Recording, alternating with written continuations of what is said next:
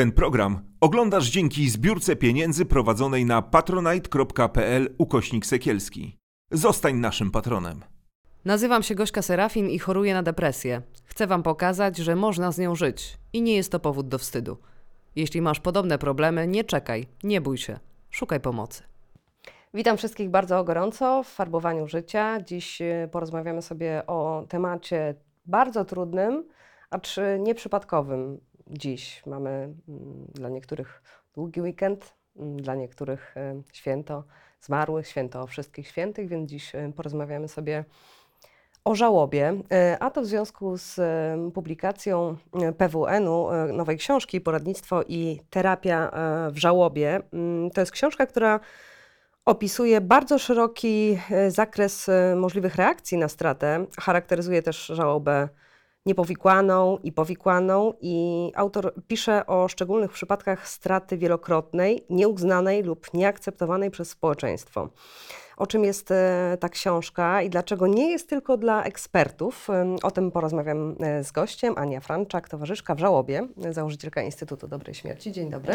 Dzień dobry. Zgadzasz się z tym, że ta książka nie jest tylko dla e, ekspertów, bo tak może się wydawać, że, że wydawnictwo naukowe E, tak, myślę, że ta książka może być ciekawa dla różnych odbiorców. Z jednej strony dla profesjonalistów, ekspertów pracujących z osobami w żałobie, w sensie dla terapeutów, terapeutek, towarzyszy w żałobie.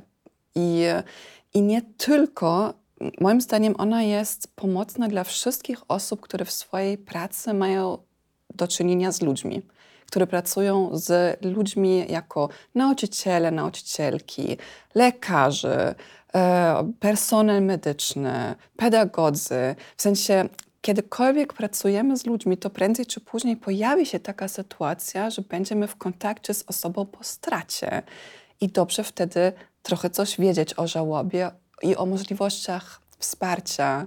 I myślę, że nawet ta książka dla niektórych osób, które um, chcą tak na takim poziomie teoretycznym patrzeć na swoją własną żałobę, myślę, że one też mogą znaleźć sporo ciekawych inspiracji w tej, w tej książce.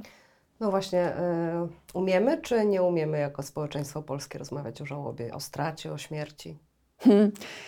Ja się tak zawsze um, w sensie nie lubię takich generalizujących mm, stwierdzeń, typu, że społeczeństwo polskie potrafi albo nie potrafi. Jesteśmy wszyscy bardzo różni i znam ludzi, którzy absolutnie nie chcą z, z tym tematem się spotykać i nie mają zgody, otwartości na rozmowę, a znam ludzi, którzy bardzo tego szukają i potrzebują. I w pewnym sensie to jest trochę też kwestia ćwiczenia. Jeśli się wychowaliśmy w takiej rodzinie, na przykład, gdzie śmierć była traktowana jako temat tabu, no to będzie nam trudniej wejść w taką rozmowę. Ale spotykam się z bardzo różnymi postawami wobec tematu śmierci. No i ja się staram otworzyć taką, taką przyjazną przestrzeń do rozmowy o tych tematach, które, o których tak, tak szybko mówimy, o to jest bardzo, bardzo trudne. I może być, być takim ciekawym um, odkryciem te, takie, że, że o tych tematach związanych ze śmiercią da się rozmawiać w sposób spokojny, w sposób um, przyjazny, wspierający. I właśnie to jest moja taka codzienna misja, tak naprawdę. No bo, bo też zajmujesz się tym y, zawodowo i to chyba też zależy trochę od środowiska, w którym się dorasta, w którym się y, przebywa. Ja na przykład y, tak ze swojego doświadczenia mm, mogę przyznać, bo, bo dzielę się bardzo często w tym programie swoim doświadczeniem, mhm. że to jest temat trudny, który się w rodzinach, w mojej się omijało. W mojej też. I, i, i omija się w, w, rodzinach. Dlaczego? Albo okej, okay, jest, mamy teraz wszystkich świętych, więc jest Oczywiście odwiedzamy bliskich e, na grobie, zapalamy tę świeczkę, ale to jest takie trochę automatyczne też. Hmm. Ja myślę, że to ma wiele, jest wiele powodów, dlaczego tak jest. Um, myślę, że to jest ogólnie taki lęk przed emocjami, bo temat żałoby, temat śmierci u większości ludzi wywołuje silne emocje. I to może być albo smutek, albo gniew, albo lęk. I, e, I to jest tak naprawdę to jest ten większy temat lęku przed emocjami i przed tym, jak przyjąć, jak reagować, jak wytrzymać różne emocje. Um, I konkretnie w związku ze śmiercią um, możemy obserwować różne takie historyczne procesy w, ostatnich dekadach w XX wieku, które spowodowały, że temat śmierci coraz bardziej zniknął z takiego naszego bezpośredniego doświadczenia. To, że dzisiaj ludzi przede wszystkim umierają w szpitalach, a nie w domu. To, że już bardzo rzadko rodzina się opiekuje osobą po śmierci, tylko że to robią zakłady pogrzebowe. To są różne procesy społeczne, które nas odsunęły. Czyli kiedyś ta śmierć była bliżej. Tak, moim zdaniem zdecydowanie na przestrzeni czasu i w różnych kulturach byliśmy i nadal jesteśmy w in, różnych innych kulturach na świecie dużo bliżej śmierci i wtedy śmierć jest tak traktowana bardziej jako, jako część życia i niekoniecznie jako temat, od którego na siłę trzeba uciec. Ten lęk przed śmiertelnością, y, który chyba jest bardzo naturalny i jest w każdym z nas, powoduje, Mhm. że, że jest takie, nie wiem czy to dobre określenie, ale skrępowanie, żeby rozmawiać w ogóle o tym, żeby jakkolwiek reagować na informacje o na przykład czyjej żałobie, to, to krępuje czasem. Nie wiadomo też, jak się zachować. Tak, Mhm. tak porównuję sobie, oczywiście nie wiem, czy to w ogóle można porównać, ale mm, też często e, rozmawiam o tym, jak, jak rozmawiać z osobami w kryzysie psychicznym. Mhm. I też wiem, że wiele osób ma problem, nie wie, jak rozmawiać z osobami e, chorymi, przeżywającymi Tak. kryzys. I pewnie też tak jest w przypadku osób, które mają styczność z kimś, kto jest w żałobie. Tak, ciekawe, że to nazywasz, nazywałaś teraz, że to jest taki rodzaj krępowania się. Ja myślę, że podstawą tego to jest takie poczucie własnej bezradności. I, e, no, i żyjemy w świecie, w którym bezradność jest oceniona bardzo mocno jako słabość albo no po prostu musimy funkcjonować. E, Jest milion zadań codziennie, jest praca, jest kariera i, i to jest taki tryb funkcjonowania, takie zadaniowe podejście do, do codziennego życia. I temat bezradności jest często wykluczony.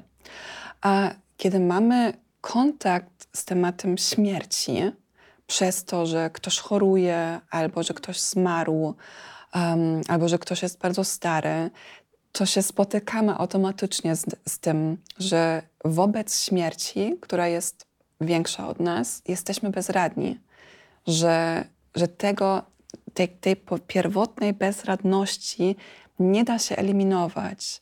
A skoro tak na co dzień tak uciekamy od tej bezradności, to kiedy śmierć nas zmusza do poczucia jej, to większość osób wtedy wpada w taki rodzaj lekkiej paniki, nie? że wtedy chcemy albo unikać tematu, albo bardzo szybko dajemy jakieś porady, albo em, zmieniamy temat. I to, co jest taka potrzebna umiejętność, której w tej chwili często brakuje u ludzi, to jest taka gotowość, żeby wytrzymać swoich własnych ograniczeń i naszej bezradności jako ludzi wobec śmierci.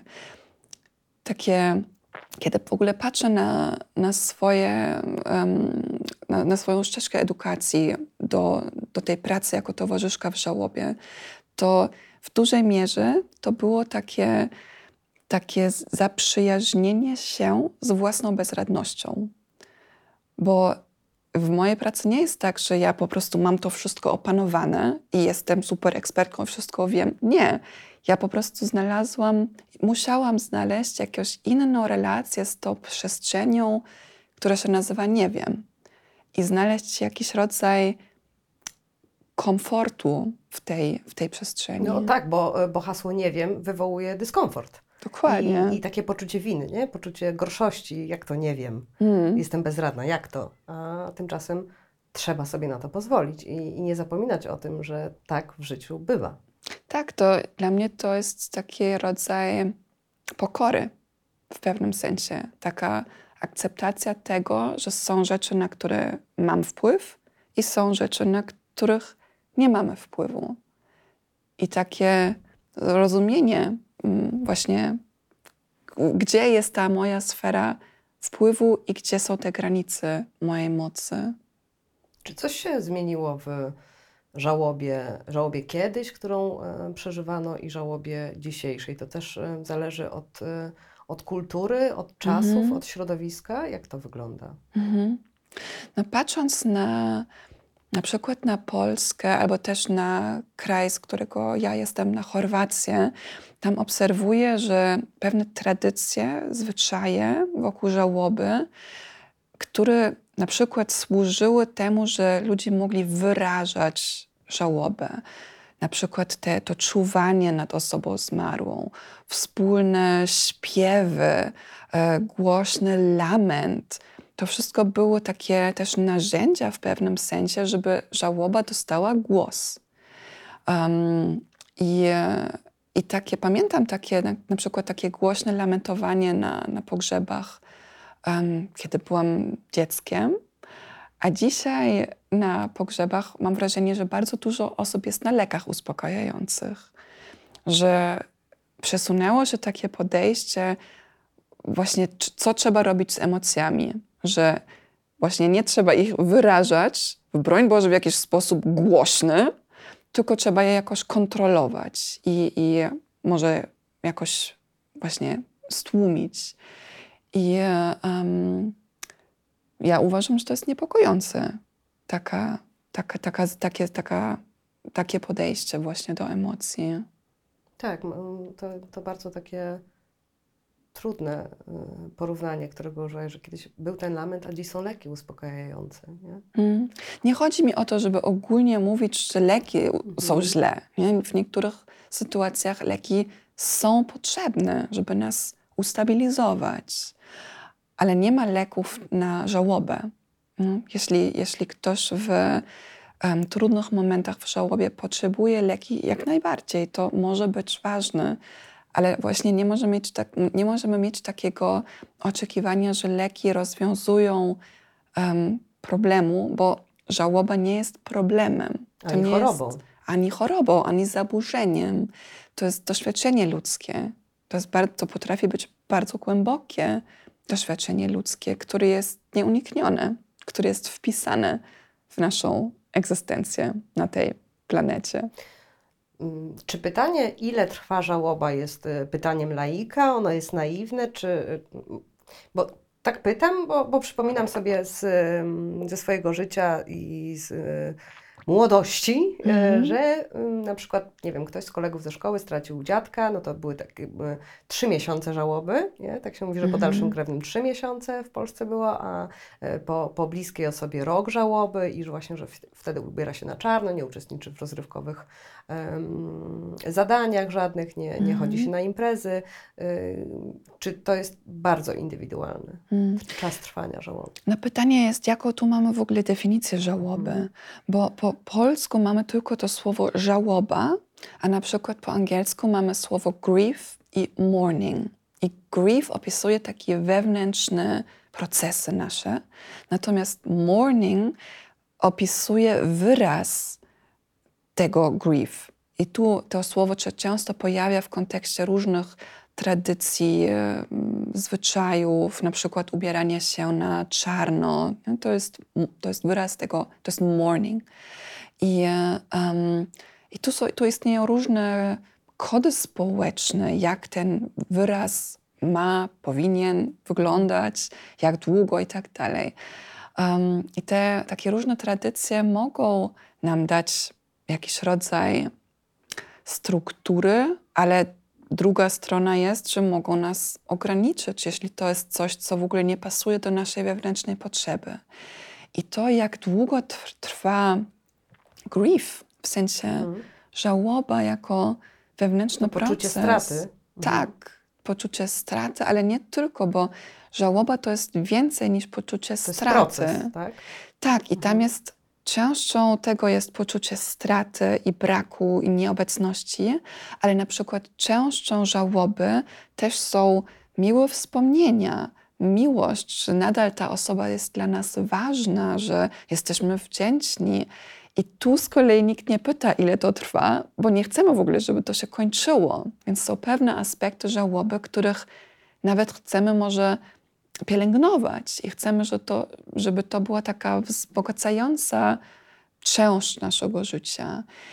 I mam, myślę, że może są osoby, które mówią, moja żałoba miała wyraźny koniec, ale myślę, że to jest wyjątek. Większość osób nie mówi w taki sposób o tym doświadczeniu, tylko że nauczymy się, jak z tym żyć i że ta osoba w pewnym momencie przestaje dominować wszystkiego, że, że, że żałoba, która przez jakiś czas jest tak w centrum naszego życia, zasłania wszystkie inne tematy, że z upływem czasu ona znajduje jakieś swoje miejsce, a wokół tego mogą się znów pojawić inne tematy. Sport, rodzina, hobby, wygłupianie się, cokolwiek. Ale to, się nie, to nie znaczy, że jest najpierw zamknięta żałoba i potem żyjemy dalej, tylko to jest równolegle. Może będą takie wyspy żałoby, których odwiedzamy regularnie.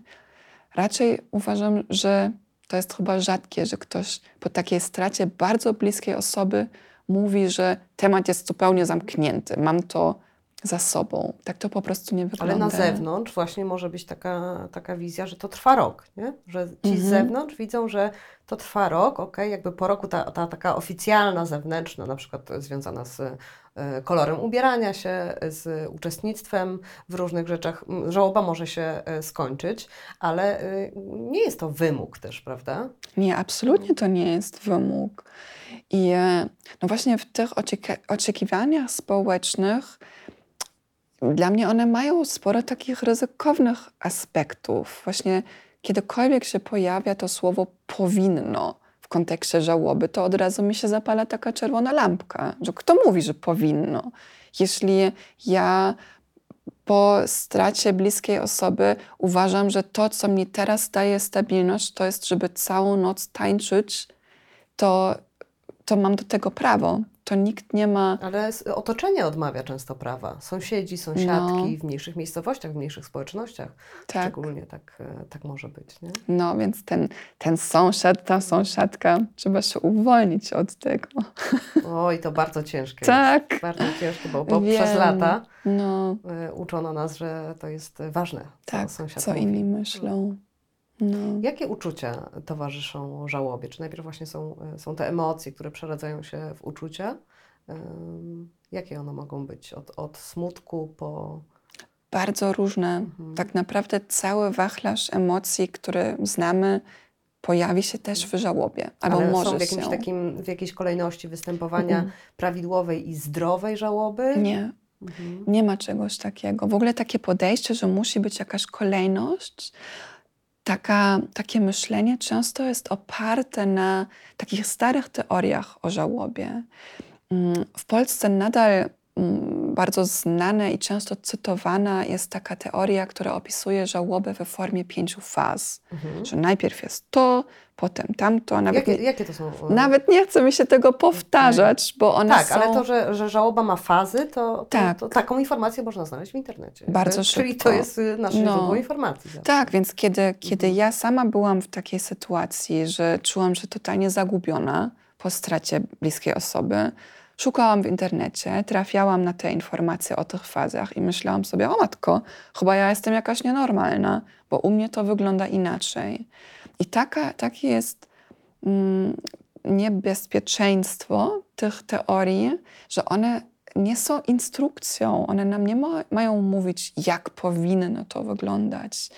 I, e, I takie bardziej współczesne teorie bardzo to podkreślają, że to jest proces indywidualny, że nie ma sztywnego schematu, że nie ma tych linearnych etapów. Są różne obszary i tematy, które u większości osób się pojawiają, ale kolejność, rytm, tempo to wygląda inaczej u każdej osobie. Czyli są różne te etapy żałoby i one mogą um, być różnej długości, różnej e, intensywności. Mówię etapy, no bo, mm, no bo zwykło się mówić o tym, że jest e, na przykład wyparcie, tak? albo e, szok i niedowierzanie Mhm. na początku, że, że później jest jakaś tęsknota, że przychodzi jakieś głębsze załamanie jeszcze niż po tej, niż po śmierci, kiedy jest jeszcze ta adrenalina i niedowierzanie i że na końcu taką fazą, w końcowej fazie wyjścia z żałoby jest taki powrót do rzeczywistości i nauczenie się i przyjęcie świata e, takim, jakim jest, czyli bez tej bliskiej osoby. Mm. I właśnie ta narracja jest mi Mhm. osobiście bardzo obc, obca.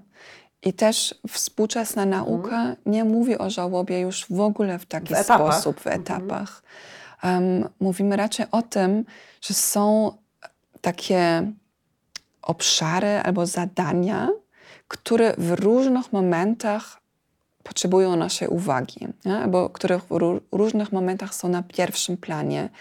I w niektórych momentach to, jest, to są emocje, które się pojawiają, a w innych momentach to jest tak, taki na przykład tryb funkcjonowania, że musimy ogarnąć dużo praktycznych rzeczy i te emocje są gdzieś niedotknięte w tej chwili. No właśnie, jakie są to zadania? Bo, bo o zadaniach e, też e, czytamy w książce, ale, Tak. ale też o tym, że właśnie, że e, są wymienione i fazy, nie pamiętam z którego, z, których lat, jakiś mm, 70., 80., mogę teraz strzelać głupotę, są, są te, te badania i te teorie, nie? że one, tak jak mówisz, są już nie, nieaktualne i współczesna nauka podchodzi do tego inaczej, że są etapy, fazy, ale właśnie też są te zadania. I na tym trzeba się skupić, że są te zadania. Mogłabyś je przybliżyć? Tak, właśnie to, co William Warden proponuje, to jest, żeby zamiast o fazach mówić o tych zadaniach. I on mówi, że na przykład jednym ze, zadanie, ze zadań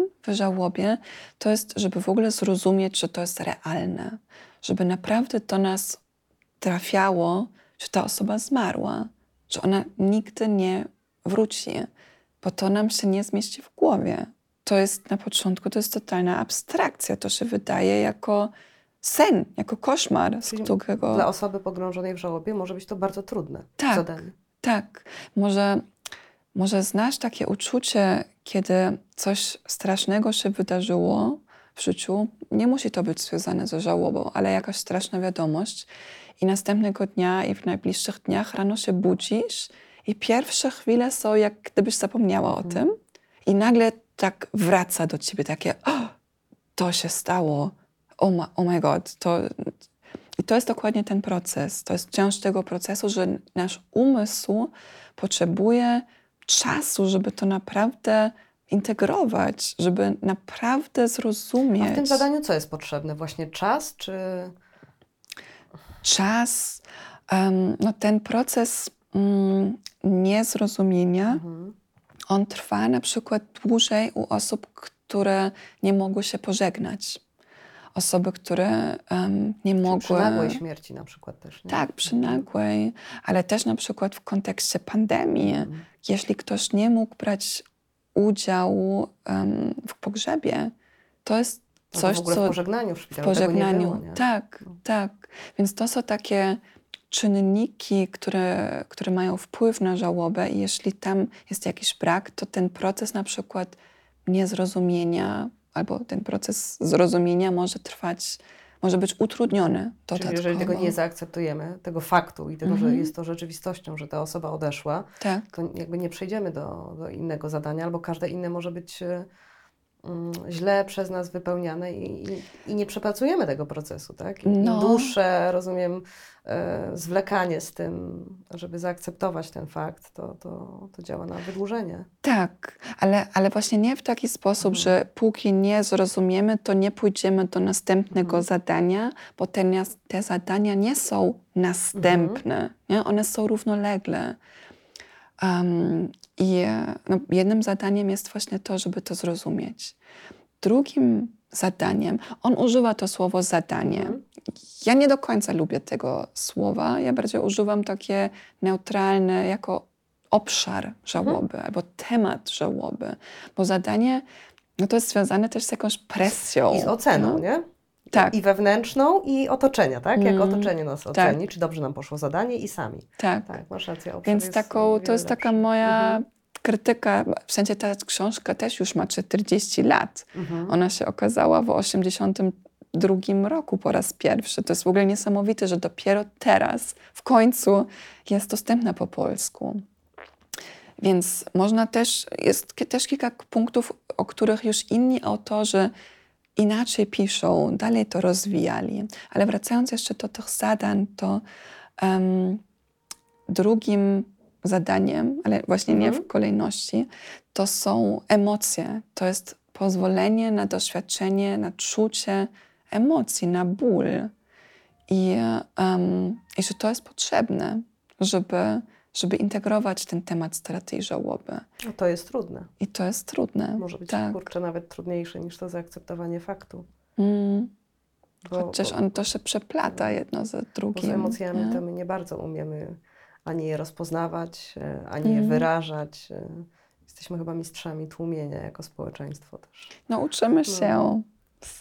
Idziemy, mam nadzieję, w jakimś dobrym kierunku, nie? Bo coraz więcej osób szuka właśnie edukacji o emocjach.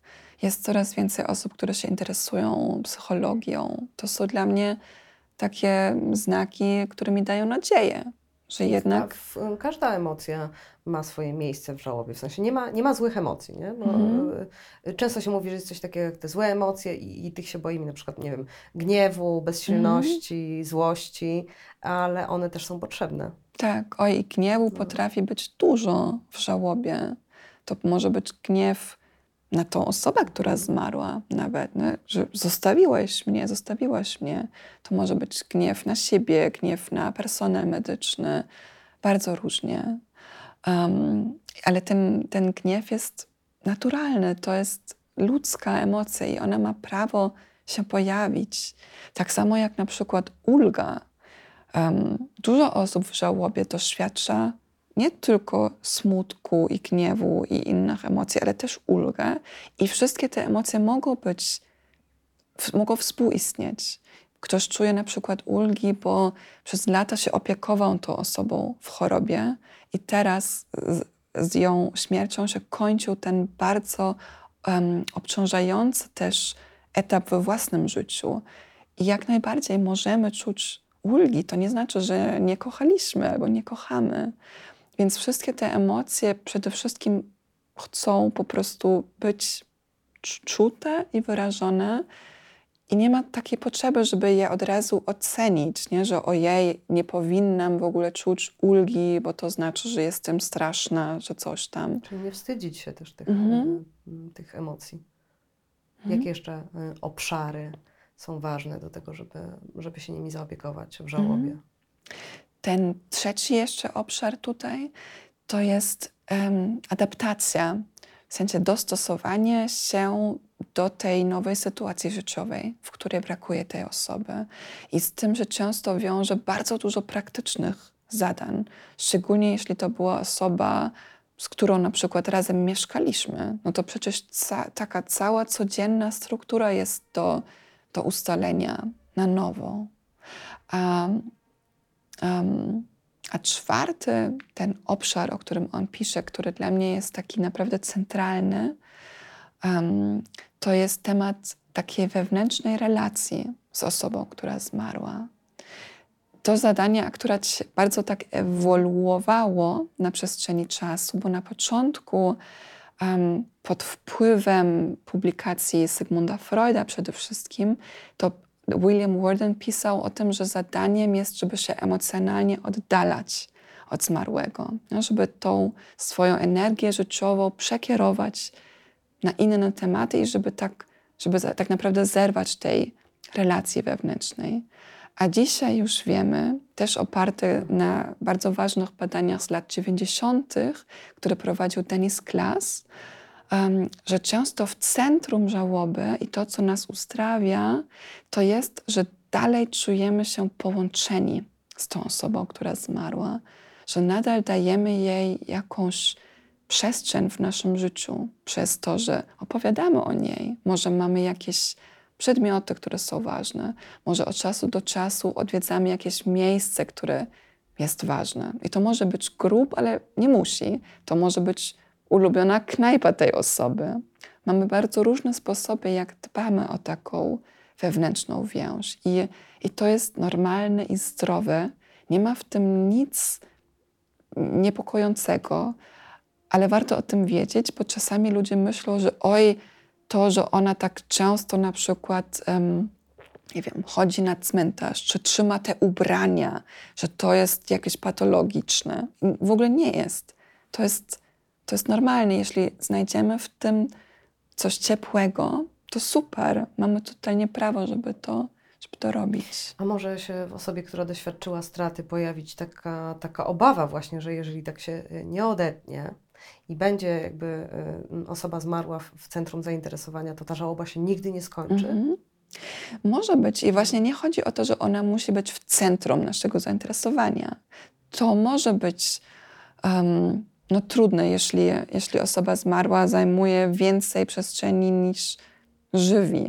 Chodzi o to, że nie trzeba jej kompletnie eliminować. Nie chodzi o to, żeby zamknąć tematu i e, zapomnieć. To w ogóle dla osób w żałobie to brzmi straszne, taka sugestia, że trzeba zapomnieć. Iść dalej. Iść nie? dalej. Mm. Nie chcemy tego. Kojarzy nam to się, kojarzy nam się to ze, ze zdradą. Więc nie chodzi o to, żeby tej osoby albo tematu żałoby jakoś wyrzucić ze swojego życia, tylko chodzi o to, że, żeby znaleźć jakieś adekwatne, dobre miejsce. I to nie musi być w centrum naszego życia, to może być gdzieś na boku, ale niech będzie to miało swoją A jest coś przestrzeń. takiego jak um, intensywność żałoby, że, że, że żałobę y, jedna osoba przeżywa bardziej, znaczy mhm. żałobę, tą, tą, tą, stratę, ten proces, druga przeżywa mniej. I czy to w ogóle od czegoś zależy? Od, od przyczyny śmierci, od, mhm. y, y, od bliskości tych dwóch osób? Czy, czy to jest w ogóle jakoś, y, kolejne głupie słowo, mierzalne? Czy to da się, dlaczego jedna osoba dłużej i mhm. o wiele ciężej to prze, przeżywa, a druga lepiej. To zależy mhm. od jej zasobów wewnętrznych, jak sobie z tym poradzi? To zależy od wielu, wielu mhm. czynników. I o tym też William Worden pisze w świetny sposób, moim zdaniem, bo on um, opisuje tak zwane mediatory, mediatorzy mhm. żałoby. To jest nowe słowo, które się teraz pojawia to są czynniki, które mają wpływ na proces żałoby. I to są, jak mówiłaś, też takie nasze wewnętrzne zasoby, ale to też jest relacja z tą osobą, która zmarła. To są okoliczności jej śmierci, to jest nasza ogólna sytuacja życiowa, to jest nasz charakter, to jest jaką mamy historię strat, nasz w ogóle stosunek do śmierci, jak do tej pory myśleliśmy o tym temacie. To jest bardzo, bardzo dużo różnych czynników, które trzeba brać pod uwagę. I to właśnie pokazuje, że u nikogo to nie jest identycznie. Nie ma dwóch identycznych procesów żałoby. Jesteśmy wszyscy różni i to też dotyczy naszych doświadczeń, straty. A kiedy żałoba ta niepowikłana przeradza mhm. się w żałobę powikłaną. I co to oznacza w ogóle? Mhm. Ona jest wtedy za mocna, przesadna, za długa. Czy, czym jest żałoba powikłana? Mhm. Że, że, źle wpływa jakoś tak e, no, dezadaptacyjnie i destrukcyjnie na, na nasze życie?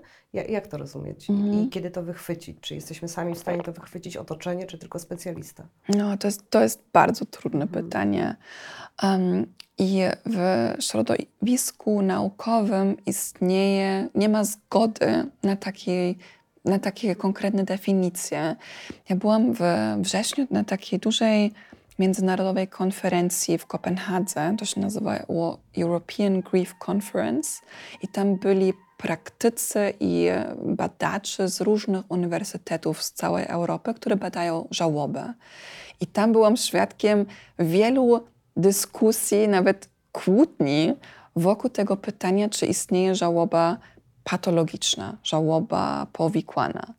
Um, I no, ludzie mają bardzo różne opinie. Jest ta jedna strona, która mówi tak, istnieje um, żałoba powikłana i kiedy na przykład na przestrzeni dłu- kiedy po pół, rok, pół, nie, kiedy minimum pół roku albo rok po śmierci nadal są takie i takie i takie symptomy, i wtedy jest taka cała lista do diagnostyki, wtedy można mówić o tym, że istnieje żałoba em, powikłana, po angielsku się nazywa Prolonged Grief Disorder.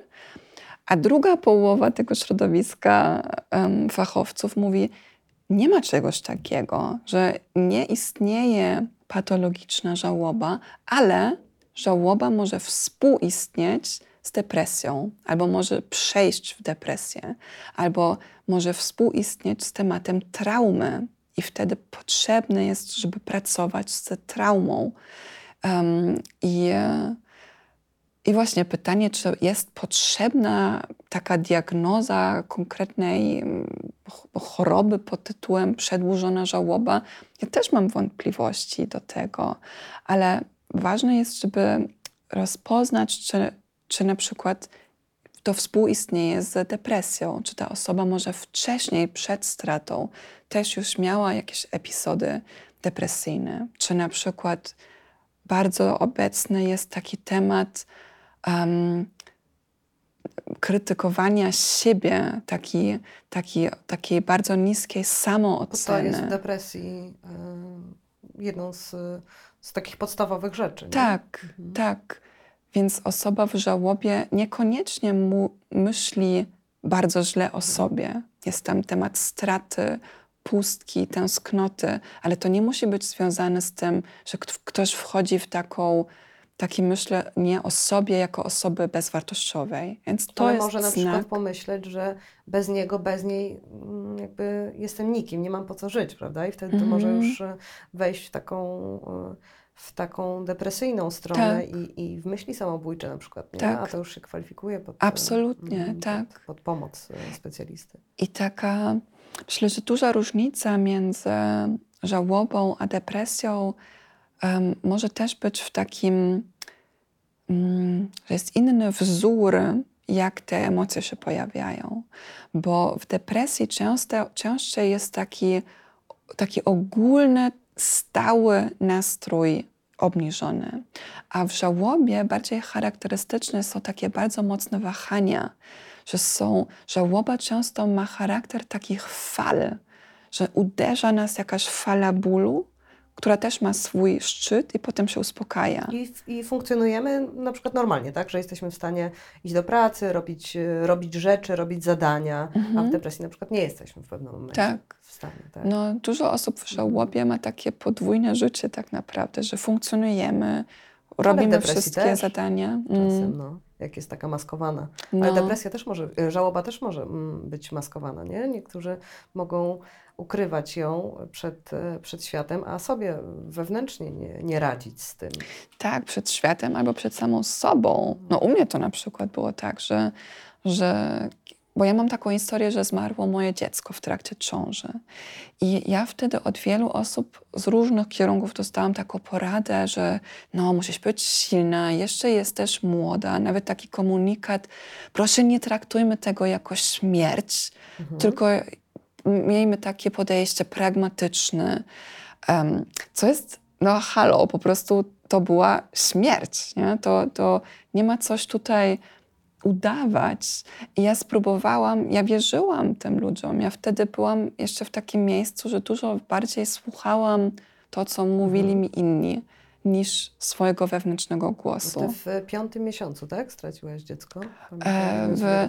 Tak naprawdę to nie ma znaczenia. Nie? W sensie nawet nie lubię tego pytania, bo to jest znowu takie, okej, jeśli w trzecim albo w piątym, No to nie, to nie aż takie ludzi, straszne. Tak, o nie? ludzi, że a, to poronienie, Tak, bo to do- początek. Czy, czy dokładnie. jest w ogóle jakiś taki moment, nie? Że, że mówi się, a poronienie, dobra, tam co któraś kobieta tego doświadcza, nie ma to, co tego tak brać do siebie, że tak cię też próbowano pocieszyć? Dokładnie, tak, tak. Taka klasyczna żałoba nieuznana. Kiedy ktoś jest w żałobie, a otoczenie sugeruje, nie masz w ogóle po co się smucić. I, e, no i ja wtedy, byłam wtedy bardzo niepewna siebie. Ja to po prostu, ja wierzyłam, że oni mają rację. Więc starałam się po prostu funkcjonować. Dwa dni po stracie dziecka wróciłam do pracy. i myślałam, że tak, jest, to jest dobry pomysł. I, I spróbowałam przez kilka tygodni, miesięcy jakoś wziąć się w garść i, i udawać, że nic się nie stało. No i kilka miesięcy później miałam kompletny kolaps. Bardzo się rozchorowałam, kilka razy byłam w szpitalu. To było naprawdę taka bardzo głęboka dziura, w którą wpadłam.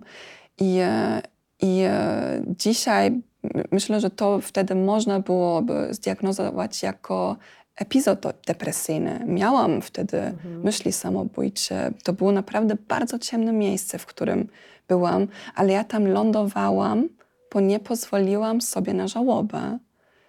Więc takie niepozwolenie na to naturalne doświadczenie żałoby może nas wprowadzić w niebezpiecznym kierunku.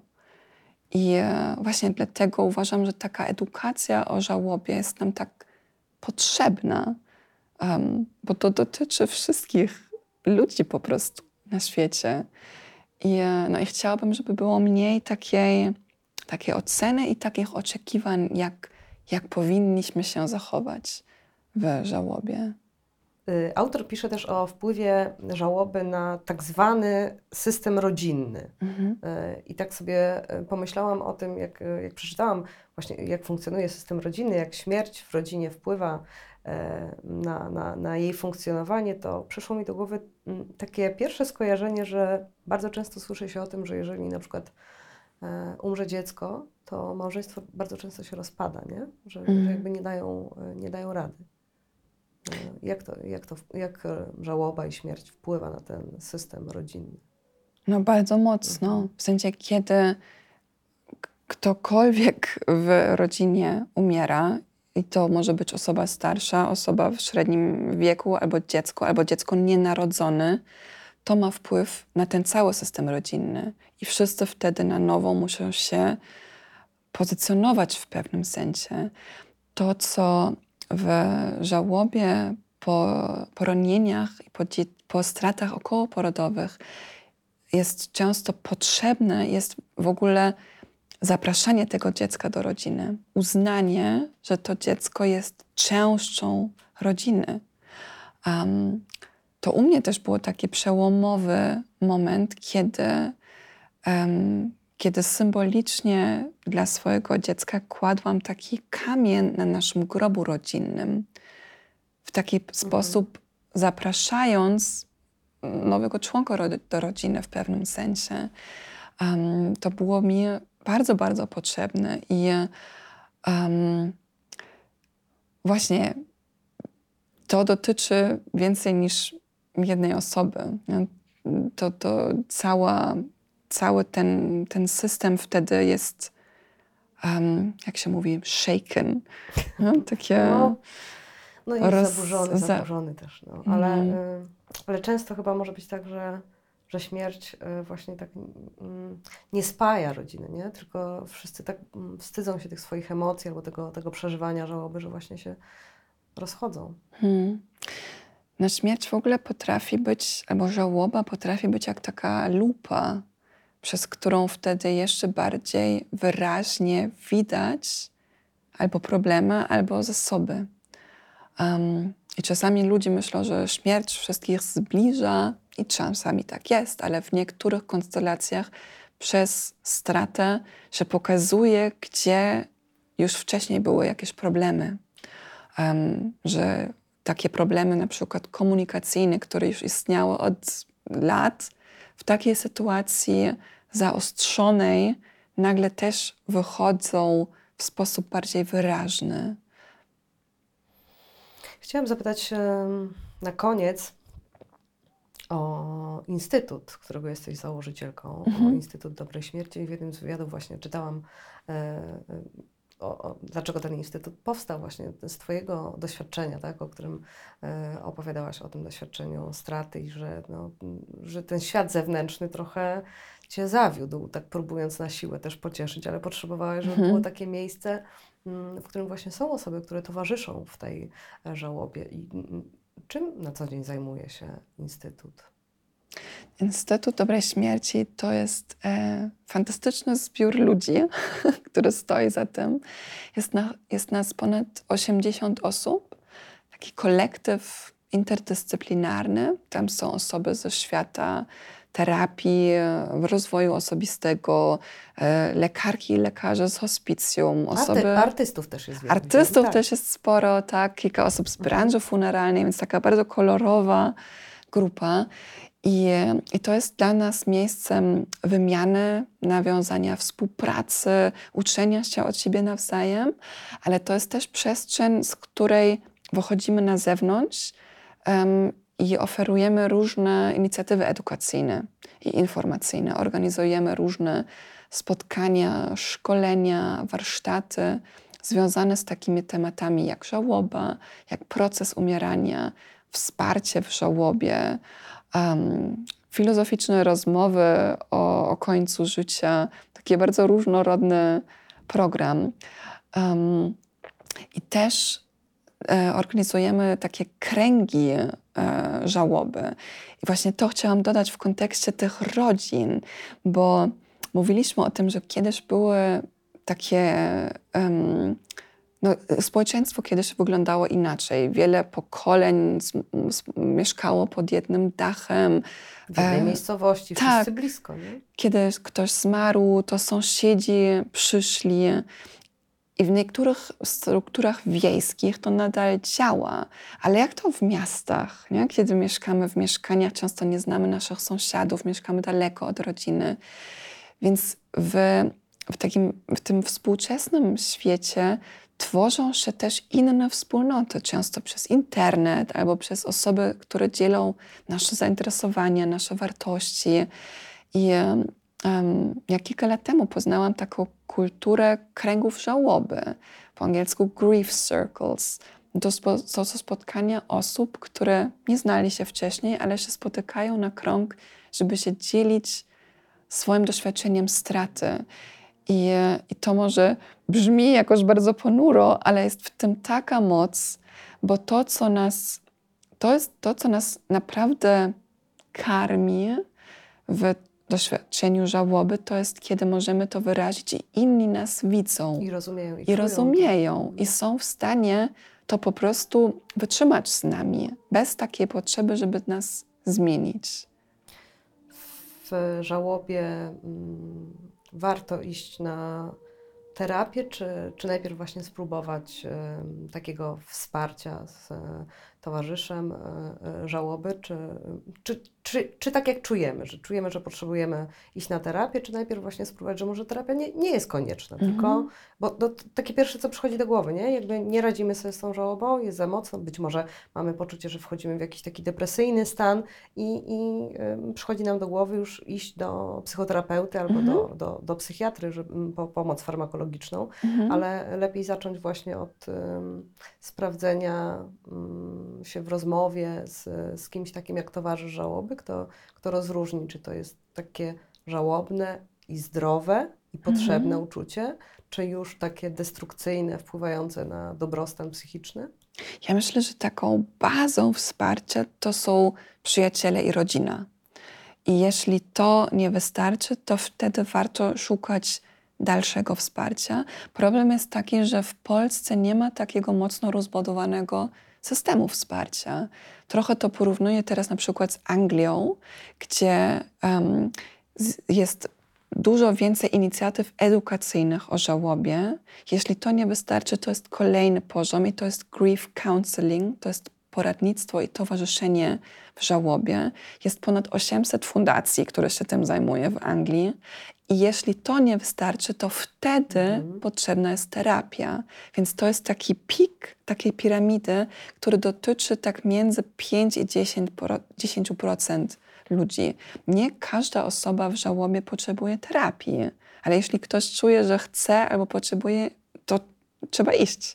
No, w sensie to, nad czym my teraz pracujemy w Instytucie Dobrej Śmierci, to jest, żeby wzmacniać ten segment w środku, żeby, żeby nie było tylko takie myślenie, że albo ktoś sobie radzi, albo niech idzie na terapię, tylko żeby wzmacniać takie, taki tak zwany peer support też, grupy wsparcia, więcej kontaktu między osobami w żałobie na wymianę, dla większości osób to, to wystarczy. Nie? A jeśli nie, to super, że są też fachowcy, które pracują terapeutycznie z tym tematem.